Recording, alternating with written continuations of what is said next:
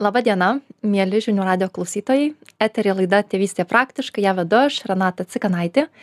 Ir šiandien mūsų viešne yra Dovilė Šafranauskė. Labas, Dovilė. Labas, Renata. Tu esi myliu.lt portalo įkūrėja ir taip pat augantys tėvai grupės moderatorė. Ir mes šiandien su tavimi pasikalbėsime apie visą tai, ko iš mūsų mamų tikisi visi kiti mes pačios sau turim didelių reikalavimų labai didelių lūkesčių norim būti labai geros mamos pačios geriausios kokios galim būti. Ir su tuo jau yra sunku. Tačiau visi kiti aplinkui dar mums turi savo lūkesčių įsivaizdavimų kokios mes turim būti mamos. Ir tas visuomenės spaudimas mamoms um, kartais trukdo tikriausiai būti mama kuri atsipalaidavusi kuri pasitiki savimi kuri žino kad iš esmės jinai viską daro gerai. Ką tu apie tai galvoji ar esi su tuo susidūrusi savo aplinkoje profesinėj asmeninėj Tikriausiai e, kiekviena mama su tuo yra susidūrusi savo asmeninėje motinystėje. Ir e, kasdien su tuo tenka susidurti ir kasdien su tuo susiduriu darbinėje veikloje, tai yra tiek tėvystės coachingo e, sesijose, tiek augantis tėvai grupėje, kur tikrai ši tema iškyla labai labai dažnai. Ir man atrodo, kas tokio turbūt skaudžiausio įvyksta, kad kartais e, dėl visuomenės nuomonės, dėl visuomenės spaudimo mes iš tiesų trupučiuką pametam save, mes pametam savo giluminį tikėjimą, kuris kaip tu ir sakei kuris e, mums ir sako tu žinai geriausiai. Tu žinai kaip daryti dalykus. Tu žinai ko reikia tavo vaikams. Tu žinai ko reikia tau. A bet e, dėl įvairių nuomonių dėl įvairių komentarų kartais net labai nebylių dėl tų žvilgsnių a kuriais perveria visiškai nepažįstami žmonės jeigu vaikas verkia jeigu vaikas lipa ant tvoros. Dėl viso šito mes pametam žinojimą ir mes tikrai atsiduriam tokioj tarp daugybės ugnių tarp vidinio spaudimo norėjimo būti geriausia mama ir tarp tarsi noro įrodyti visuomenei kad na aš ir esu ta gera mama. Tai man atrodo šit šis momentas ir yra pats skaudžiausias. Ir dar turim prisiminti kad mes na iš tiesų esame ne tik mamos.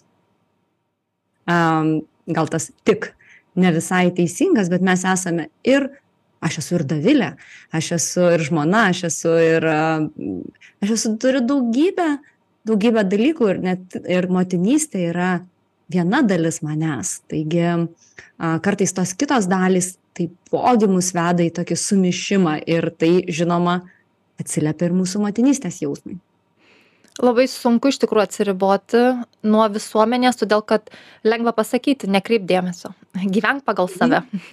Daryk kaip tu nori bet iš tikrųjų sunku todėl kad vienišumo jausmas man atrodo yra pats stipriausias toks jausmas viduje kuris labiausiai varo iš proto nes kai tu tikrai jautiesi vienišas tau nėra kur save pasidėti nėra pas ką nueiti. Tai va taip būti ta vat kažkokia išsiskiriančia mama kuri visiškai nekreipia dėmesio į tai kaip žmonės gyvena aplink ją ir atstovauja save yra be galo sunku. Iš kitos pusės gyventi tik pagal tai kaip visuomenė primeta arba norėtų kaip mes būtumėm kokios mamos mes būtumėm irgi nėra išeitis. Tai kaip mm. tau atrodo, kokiais būdais, kokiais keliais ieškoti to viduriuko, kur aš ir savęs nepametu, na ir kažkaip nuolat negyvenu taip pat visiškai atmesdama visuomenę, kurios vis dėlto esu dalis. Mm. Ir iš tiesų šiandieną vyko Zoom susitikimas augantis tėvai ir mes kaip tik atsitiktinai, o galbūt visai neatsitiktinai, palėtėm šitą klausimą ir mes kalbėjom apie tai, kad a, į grupės susitikimą mamos sako aš čia ir ateinu susikalibruoti. Aš a, tarsi aplimpu įvairiais visuomenės lūkesčiais aš tarsi suabejoju ar tai kuo aš tikiu ir ką aš žinau yra iš tiesų tiesa. Ir kai aš ateinu į grupę aš pajuntu kad okei man tarsi grįžta žinojimas. O kodėl tas žinojimas grįžta? Pirmiausia todėl kad mamos gali išsikalbėti. Jos gali išgirsti save. Ir labai kartais a, sunku išgirsti save nes na iš tiesų mes mm, kai mes kalbam su kitais žmonėmis mes dažnai labai stengiamės save vis tiek um, pateikti truputėlį gražiau. Uh, nes mes nežinom, kokia bus ta reakcija. Mes juk negyvename pasaulyje, kuriame tiesiog pagal nutilėjimą visi į mus reaguoja pozityviai, visi mus, į mus reaguoja suprantančiai, neteisiančiai, priimančiai. Ne, toks pasaulis dėja nėra. Todėl išsakymas savo tikėjimo tokioj aplinkoj, kur tavęs niekas nepasmerks, jis ir leidžia išgirsti save. Ir taip pat išgirdimas, kad ir kitose šeimose vyksta panašiai, kad kitos mamos ar tėčiai taip pat kartais suabejoja. Ir vat, man atrodo, kad labai labai svarbu turėti tą vietą, kur aš galėčiau, nu, tarsi grįžti į savo stuburą. Kad kartais tas rovė nuneša mus į skirtingas puses, bet tiesiog mums prisiminti, kad mes iš tiesų esame tas rovė, o ne mus kažkas kažkur nuneša, kad mes ir keliaujame savo, savo kažkokią vagą. Tai man atrodo, pirmas dalykas tai yra iš tikrųjų turėti, turėti tą vietą, kur galima, kaip ir šiandien mama sakė, susikalibruoti. Tarsi, žinai, kai gitara išsiderina, tai kartais, kad vėl galėtų skambėti, reikia ją vėl suderinti a taip pat man atrodo labai svarbu ir mm, turėti laiko sau daryti kažką dėl savęs. Kad ir kas tai būtų vienai mamai tai gali būti nežinau a aš žinau kad tau tai yra gamta ir tai yra pasivaikščiojimai gamtoj ir buvimas gamtoje kažkam tai gali būti nežinau šokis kažkam gali būti tiesiog galbūt to laiko užtenka kol kas tiktai puodeliui arbatos kurį mes išgeriam dėl savęs bet e, vėlgi nes būnant mama labai lengva pamesti save mes viską pradedam daryti dėl kitų. Ir kartais jau atsibundam tokioj stadijoj kur mes sakom viskas aš jau jau ne tai kad e, tuščias puodelis jau mes e, šaukšteliu barškinam į dugną. Tai man atrodo kad tai yra tie tokie labai svarbūs dalykai. O kaip tau renata atrodo kas tau yra tas grįžimas ir nusiva nusipurtymas aplinkos man iš tikrųjų labai padėjo ir aš esu apie tai daug dalinusis e, pagyvent kitoj aplinkoj. Man taip kažkaip natūraliai gavos. Tai nebuvo taip kad man nusibodo mano aplinka ir aš sakau aš jus pakeisiu į ką nors kitą. Bet taip susidėstė kad aplinka natūraliai pasikeitė ir aš pagyvenau kitose šalyse. Ir čia aišku lengviausias būdas tikriausiai todėl kad tu pamatai kad palauk palauk bet aš atvažiavau gyvent į kitą šalį čia gyvena dvidešim kartų daugiau žmonių negu pas mus ir jie visi masiškai visai kitaip daro ir atsipalaidavę ir patenkinti. Aišku iš pradžių būna labai didelis šokas nes tu galvoji kaip jie blogai daro ir jie net to nesupranta jie visiškai nesąmoningi. Jie nesupranta kaip jie blogai daro. Bet po kažkiek laiko tu susivoki kad mm, tikriausiai jie supranta ar nesupranta nei daugiau nei mažiau nei tu pati suvoki kad tikriausiai yra kažkas kito kas mus visus apsprendžia o nebūtinai vat kažkokia tai nuostata kokia mama aš turėčiau būti. Kad jeigu mama vaiką žindo tai vadinasi būsiu apspręsta gera mama o tu gyveni visuomenėj kuri sako kad ne tai apsprendžia ar tu esi gera mama e, vaikas ne dėl to bus tvirtas gyvenime kad tu jį žindei su savo pienu. Jeigu gali ir nori tai be abejo tu visą laiką turi pasirinkimą bet jeigu negali nenori ne tai apspręs vaiko likimą. Ir aš prisimenu iki šiol istoriją, kai mm, pagimdžius į namus, pusę metų pas pagimdžiusią mamą ateina uh, moteris, kuri yra atsakinga truputėlį užmesti akį, kaip ta mama jaučiasi. Jis aišku, į vaiką pasižiūri, bet jos pagrindinis žvilgsnis yra į mamą. Kaip mama jaučiasi. Ir prisimenu, man draugė pasakojo, uh, jai buvo labai sunku žindyti, jai labai skaudėjo, vaikutis buvo nukramtęs visus spenelius. Ir kai atėjusi ta moteris pamatė, jinai sako, jūs iš rytų Europos, taip? O ta mama sako, iš kur jūs žinote? Sako, todėl, kad jokia Ispanija, jokia Italija, jokia Prancūzija nebūtų leidusi vaikui taip nukramtyti jos krūtis. Jis būtų jau anksčiau pasakiusi, kad net man skauda, tai nėra ok. Aš netikiu, kad tu būsi laimingas, kai aš su kraujuojančiam krūtim, sukandusi dantis, kenčiu, nes taigi vaikui mamos pienas viskas sako čia aš tokius atvejus matau tiktai rytų europos a, kilmės a, šeimose. Ir tai daug ką pasako apie mus tikriausiai kad ta va ta ta ta norma tas suvokimas kad mamystė turi būt tokia kaip nuolatinė kančia dėl vaiko kažkodėl tai. Jeigu kažkas neišeina arba sunku nesigauna aš vis tiek turiu turiu per save kažkaip tai persiristi turiu save paneigti kad tik atliepčiau vaiką ir tikrai labai gaju tas įsitikinimas kad nu mama turi aukotis. Taigi ten kaip mes šlovinam tas vat e, nesibaigianti kantrybė naktys bemiegės bet taigi dėl vaikučio tai ko tik nepadarysi. Tarsi tai kas mus susargdina ir ir gali tikrai kartais ir dar labiau negu susargdinti nuvaryti į kapus mes tuo pačiu kaip visuomenė tai šlovinam sakom Mhm. betgi tai va tas žmogus tai va toks. Niekad apie kitus negalvoja niekad apie save negalvoja atsiprašau. Tik visą laiką apie kitus. Ir tai yra tai kas mus galiausiai kaip mamas nu taip labai lūkestis aišku tai čia milžiniškas bet tuo pačiu nu kaip išpildyt Mm. Ir žinai, man atrodo, kad dar uh, šalia to lūkesčio, kad mes turėtumėm ir aukotis, ir nemiegoti naktimis, ir uh, kartais ateina dar tokie komentarai, kurie sako, bet tai nu tu juk pati norėjai. Na, tarsi mes net ir pasirinkome ateiti ir būti tame kartais ir varge, iš tikrųjų, tose sudėtingose situacijose. Ir tai, ką man atrodo pasako šitas, juk tu norėjai vaikų, jis tarsi uždraudžia mums jaustis pavargusioms. Jisai sako, tai jau jeigu tu norėjai, tai būk maloni mieloji, dabar džiaugis nuo ryto iki vakaro, tai tau negali būti sunku, tu turi susijimti. Ir va čia mes atkeliavame tą, žinai, tą tuščią podelį, kur jau dugnas jau prakrapštytas ir kur jau nebėra nieko ir uh, iš nieko nieko ir nebeįpilsi, nebėra net kuo pasidalinti. Ir kadangi mamos turi tokį, tą, tą tikėjimą, kad aš juk, ką gera mama, gera mama visada susitvarko. Gera mama visada uh, rado, ką padėti ant stalo. Gera mama visą laiką vaikui atsibudus, jau zuikučio kostiumas buvo pasiūtas. Uh, kada? Nu, tik nieks nežino. Tik stebuklus mamos darydavo. Apie tai vaikšto legendos, apie tai vaikšto istorijos. Ir um, niekas nesusimasto, kiek mamoms tai gali kainuoti, o gali kainuoti labai labai daug šitie, šitie tokie pasakymai ir tie lūkesčiai. Ir niekada nežinom, kas vyksta už tos, vad netgi, gali prasilenkti gatvėje su mama, kuris stumda vežimėlį ir, ir tu gali nežinoti jos, niekaip nenutuokti netgi vidinės dramos, kurioje jinai gyvena. Niekada nežinom, kas lepiasi už tų uždarų durų. Tas klausimas, kurį dažnai klausam apie vaikus. Uh, mhm. Angliškai ar... Um, nature versus nurture. Ar tai yra prigimtis, ar tai yra auklėjimas.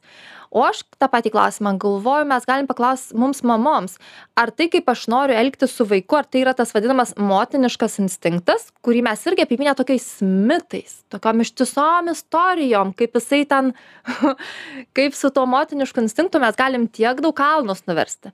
Ar tai yra vis dėlto auklėjimas, tai yra, ar tai yra visuomenės normos, kurios mane verčia būti tam tikra mama? Ir vat irgi man atrodo čia labai lengva pasiklysti nes tai aišku kad su vaiku reikia aukotis. Ir tikriausiai painiausia tame kad iš dalies tai yra tiesa. Ypatingai su ką tik gimusiu. Tai aišku jis gi pats neatsistos nenueis į tualetą nepavalgys neužmigs. Tai be abejo aukos aukos aukojimo laiko energijos iš pradžių reikia tikrai daug. Bet mes man atrodo kaip ir pamirštam vat kaip tu sakei pirmais sukalibruoti kad bėgant laikui tas poreikis aukos žymiai mažėja bet galbūt iš mūsų pusės į tas tas ta pasiūla išlieka tokia pati reikia nereikia Mhm. bet mes ir toliau pasiliekam toj vat nuolatiniam aukojimesi Mm. Taip, ir man atrodo, kad čia yra, ir yra svarbu pagauti tą momentą, kada jau mes turim pakeisti kryptį šiek tiek. Kada jau mes turim pradėti atsiskyrinėti.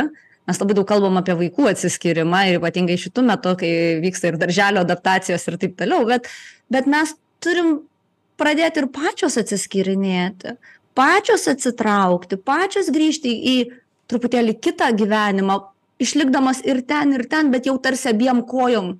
Viena koja ten, kita koja jau, jau grįžinėjam, kad vėlgi neužsibūti tame. Ir uh, įsileisti daugiau pagalbos ir prašyti pagalbos. Man atrodo, kad va čia mes vėl turim tokį uždarą labai ratą su mamomis.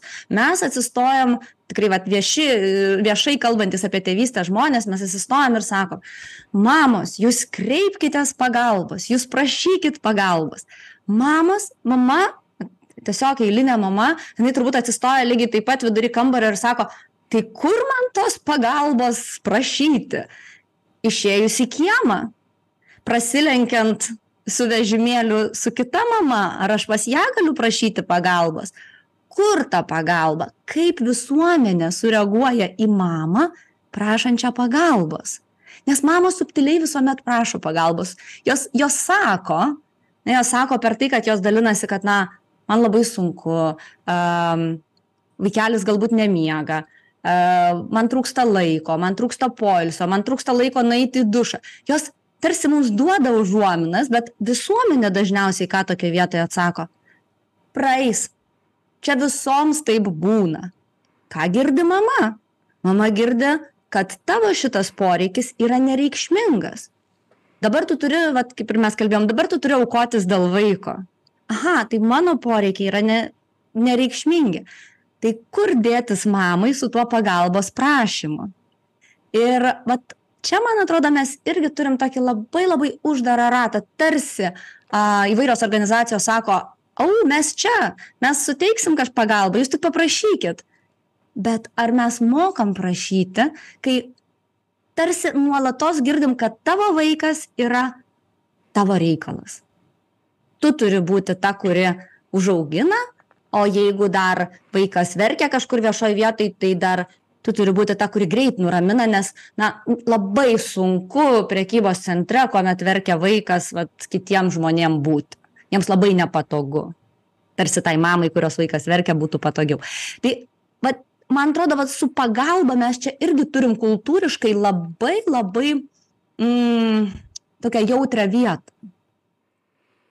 Ir man atrodo kad um, me mes kiekviena iš mūsų e, mama arba tėtis arba nebūtinai mama arba būsima mama arba buvusi mama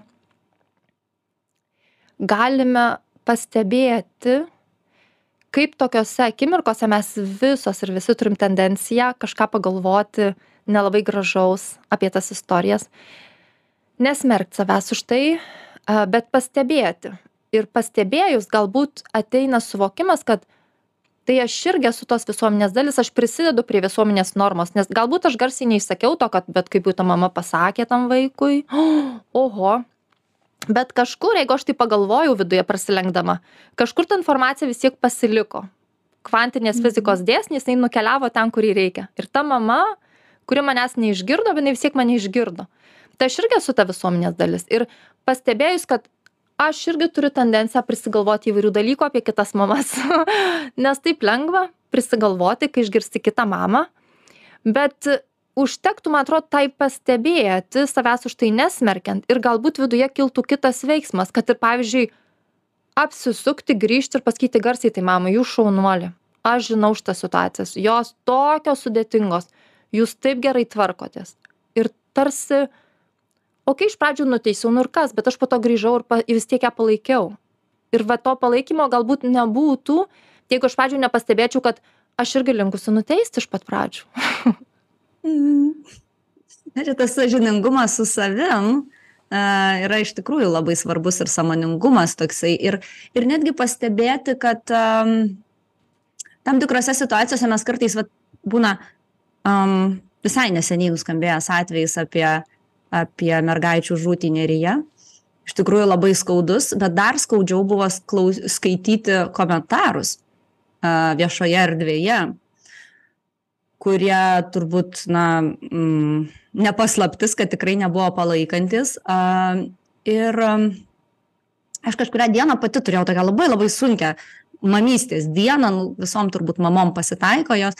Ir aš, žinai, galvojau, tiesiog per, per savo tą tokią istoriją galvojau, aha, bet aš turiu aš turiu vyrą kuris pasidalina su manim na dalim buities. Aš turiu už ką nupirkti vaikam uniformas ir kuprinę ir dar priešpiečių dėžutę ir ją įdėti kažko. Aš turiu palaikančius senelius kurie visada džiaugiasi pal e būdami su anūkais e, ma palaikančią mamų bendruomenę.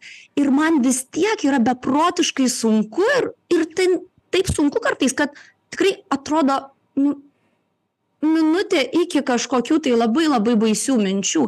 Ir kas būtų, jeigu aš viso šito neturėčiau, tai tas vienišumo jausmas, jisai iš tikrųjų gali atvesti kažkokį tai, kažkokius labai labai skaudžius sprendimus, nes iš tikrųjų nelabai aišku, kurgi gauti tą palaikymą.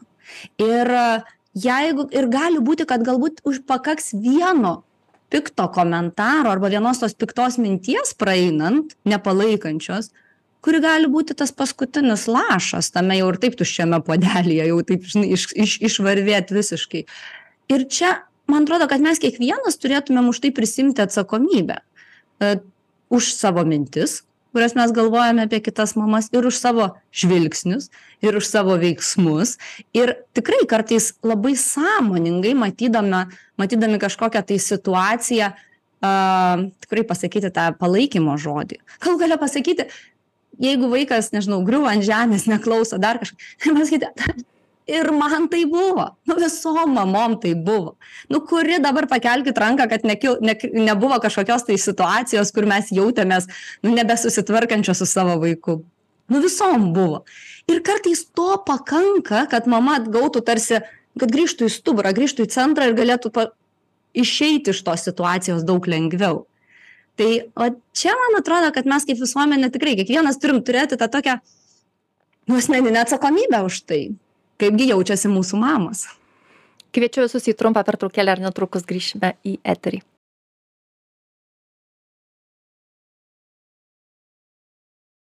Grįžtame į eterį su laida Tėvystė praktiškai ir pas mus šiandien svečiuose yra Tovilė Šafranauskė ir mes kalbamės apie visuomenės spaudimą mamoms. Ir prieš pertraukėlę aš prisiminiau istoriją, kaip uh, vedžiojome į Lūtę savo rajone ir paskui mus eina mama su kitu šuniuku ir maža mergaitė kokių gal trijų keturių metukų jinai važiuoja ant dviračio. Ir aš grįžtu prie vartelių atsidarau vartelius įeinu į kiemą aš darau vartelius. Ir girdžiu kitoj pusėj nutinkančią istoriją kai mergaitė atsisako važiuoti dviračiu ir nei iš vietos nei pirmyn nei atgal. Ir aš stoviu kitoj pusėj vartelių ir taip ir ir klausausi ir nei išeit į gatvę nei grįžt namo ir ir mama visaip bando ir ir gražiuoju ir supyksta ir sako aš viena eisiu. O ta mergaitė kai mama aišku supyksta tada jinai jau jaučias kad taip įsitempia bet vis tiek su tuo dviračiu nevažiuoja. O kai mama gražiai prašo vis tiek su dviračiu nevažiuoja. Ir aš taip ir matau ta mama tas šuo tas dviratis mergaitė ir kaip jinai visas galimybes savo svarsto galvoju nu niekaip aš visų tų daiktų į rankas nesusiimsiu ir neparnešiu. Ir aišku aš nežinau kaip toli dar eiti iki namų ir aš stoviu už tų vartelių ir ir ir irgi vat bandau pagauti save ir suprast ar aš galiu būti pagalba ir jeigu galiu tai kokia. Mm. e, ir nėra taip akivaizdu irgi nuspręsti iš karto kokia gali būti pagalba nes aš galvoju taip akivaizdžiai atidaryčiau vartelius ir išeičiau. Gal aš įneščiau daugiau sumišimo į visą situaciją. Gal mama pasimestų gal staigiai pasidarytų gėda dar čia kažkoks kitas žmogus. Gal jinai kažkaip ten paneštų ir tą mergaitę į dviratį iki kampo ir už kampo sprogtų iš viską dar fiziškai tokį svorį reikėjo nešt. Ir dar ten kažkokia mama išėjo kaip tik tuo momentu per tuos vartelius nesvarbu ką jinai sakė o mamai galbūt viduj vis tiek gėda ir tada jis išsilietų pavyzdžiui ant vaiko ant savęs. Ir aš irgi stovėdama už tų vartelių aš ilgai stovėjau. Galiausiai aš taip žavėjausi ta mama jinai perėjo tiek daug emocijų nuo pykčio iki vėl kantrybės atradimo vėl tar kažkokio darnaus tarimosi jinai siūlė netgi vienu momentu paskambint tėčiui kad tėtis atvažiuotų jas parvežti. Ir ta visa istorija truko kokią gal dvidešim minučių kol galiausiai ta mergaitė nežinau atsisėdo ant dviračio ir nuvažiavo. Bet aš ką noriu pailiustruot šita istorija kad kartais iš išorės uh, nėra visiškai savaime suprantama ką reikštų pagalba iš mūsų pusės. Ir kad nėra taip paprasta kad vat kažkam reikia pagalbos aš atėjau jums duosiu ją. Nes Mhm. nelabai aišku ką čia duoti toj situacijoj ko iš tikrųjų labiausiai reiktų ir kam čia pagalbos reikia ar tai mergaitei ar ją panešti ar tą dviratį pastumti. Mamai o ko ką mama norėtų išgirsti būtent šitoj situacijoj o kas jeigu aš pasakysiu kažką kas ją dar sustiprins jos poziciją ir jai visai ne to reikėjo? Tai mm, jo kad nėra nėra savaime suprantama tikriausiai kas galė ir kad reikia daug daug subtilumo ir kažkokio vidinio vat pajautimo kaip aš galėčiau būt tikra pagalba o ne pasakysiu kažką dėl ko mamai bus dar pavyzdžiui sunkiau arba skaudžiau Mm. Ir čia, man atrodo, svarbiausia net ne, neskubėti. nes labai dažnai, va, kaip tu sakai, kažkam reikia pagalbos, tai aš atinu ir ją duodu, daug tos pagalbos. Uh, ir kartais uh, galbūt tai ir buvo, kad tu pastovėjai už vartelių, tai ir buvo ta pagalba. Ne?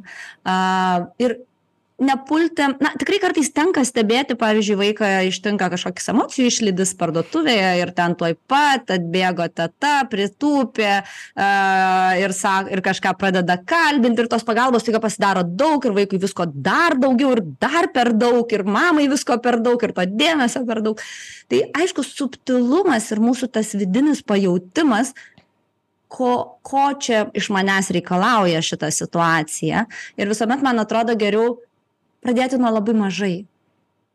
Kartais galbūt tik tai nuo žvilgsnio palaikančio. Kartais nuo minties, kaip ir tu mm. anksčiau minėjai, kad mes vis tiek visi esame susiję tam tik vienais ar kitais dėsniais. Gali būti tiesiog palaikanti mintis, atjaučiant ir pasakant, oh, oh, jaučiu, kaip štai mamai dabar sunku. Ir to gali pakakti tai aišku tikrai neužpulti su pagalba nes kartais kartais ir taip atrodo mamoms kad tikrai užpuolė pagalba mm. kur tu pati stipriausiai jauti visuomenės spaudimą tau kaip mamai? Kur tau jautriausia dabar kai mano vaikam vaikai jau yra paaugę ir pradėjo šiemet ir į mokyklą eiti a ir darželyje aš labiausiai jaučiau spaudimą kad aš turėčiau kažką padaryti su savo vaikais. A ir tai ne tik moky ne ne ne nesisieja su mokykla bet tiesiog net ir būnant kažkur viešose vietose kad aš turiu padaryti kažką iš vaikų. Pavyzdžiui kad jie pradėtų norėti kažko. Vat norėti važiuo aš turiu pa stebuklingai padaryti kad vaikas norėtų važiuoti dviratuku. Mm, aš turiu stebuklingai padaryti kad vaikas nebėgiotų prekybos centre o vaikščiotų a lėtai. Nes jeigu aš nesugebu to padaryti nu tai kokia aš čia mama jeigu jos dabar čia bėgioja ane mm. Kad jos atitiktų tam tikrus lūkesčius. Pavyzdžiui norėtų pasilikti darž mokykloje prie įėjimo užuot prašiusios pal būti palydėtos į klasę. Ir tai viską visa tai tarsi gula ant mamos pečių kad tu turi išspręsti tu turi tai padaryti.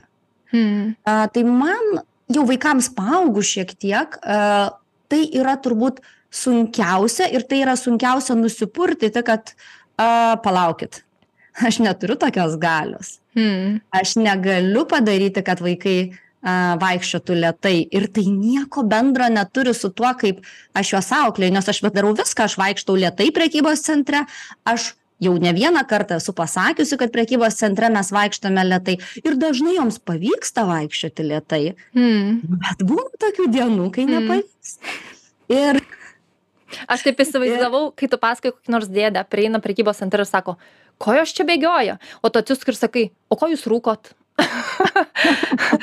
Tarsi tai, kas suaugę, vat, nori kažką ir daro, ir tai yra savaime suprantama. Vat noriu rūkau noriu čia atsipalaiduot pasiėmiau kažkokio ten alaus noriu važiuoju į žvejybą noriu ten važinėjuosi dar kažką darau noriu nevažiuoju į žvejybą. Noriu nevažiuoju. O vaikai noriai laksto nes jiems norisi lakstyt nes yra vaikai ir staiga visi iš to padaro problemą. Sako kodėl jie nori bėgiot kas čia per nesąmonė dabar? O taip prasieitum pro suaugusius ir sakytum vat jūs ko norit dabar? O vat o ne ir nustokit norėt ir dažnai dar tas irgi yra kad jūs turit uždrausti.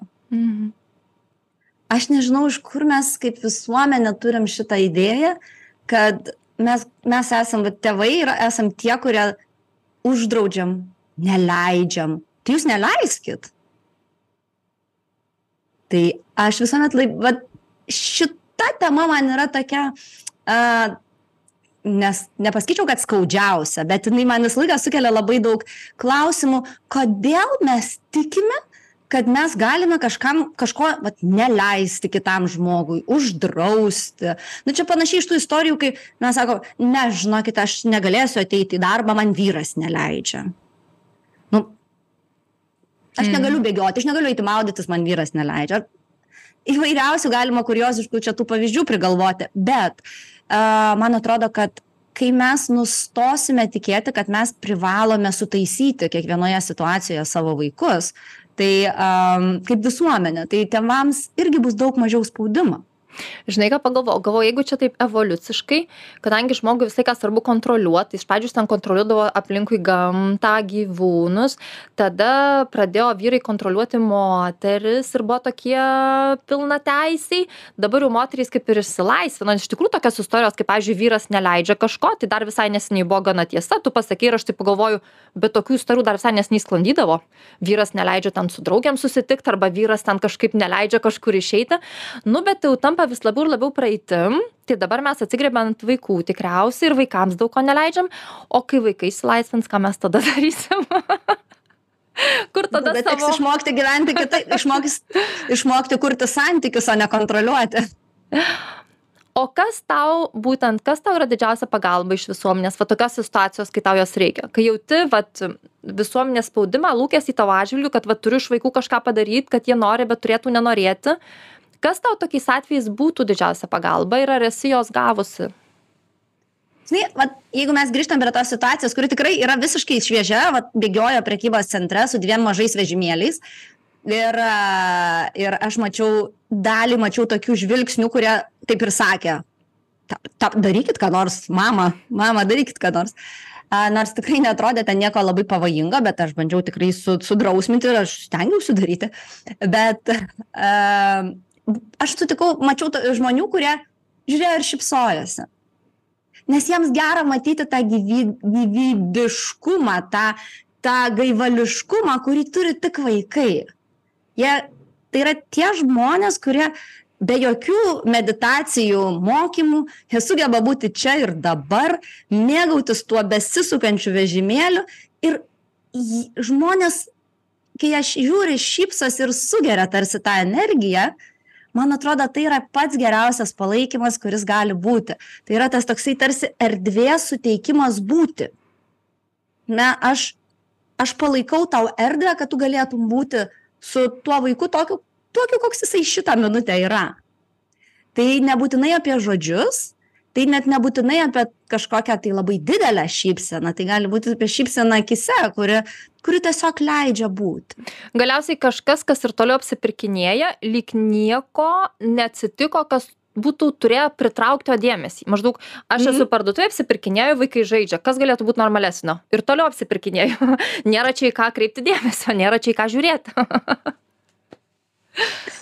taip iš tikrųjų ir ir man atrodo kad tai tikrai yra didžiulis palaikymas ir ypatingai a įvairiose situacijose kuomet tai yra emocingos situacijos ir vaikas na pargriuvo ant žemės ir jisai verkia ar ar nepargriuvo ant žemės bet verkia.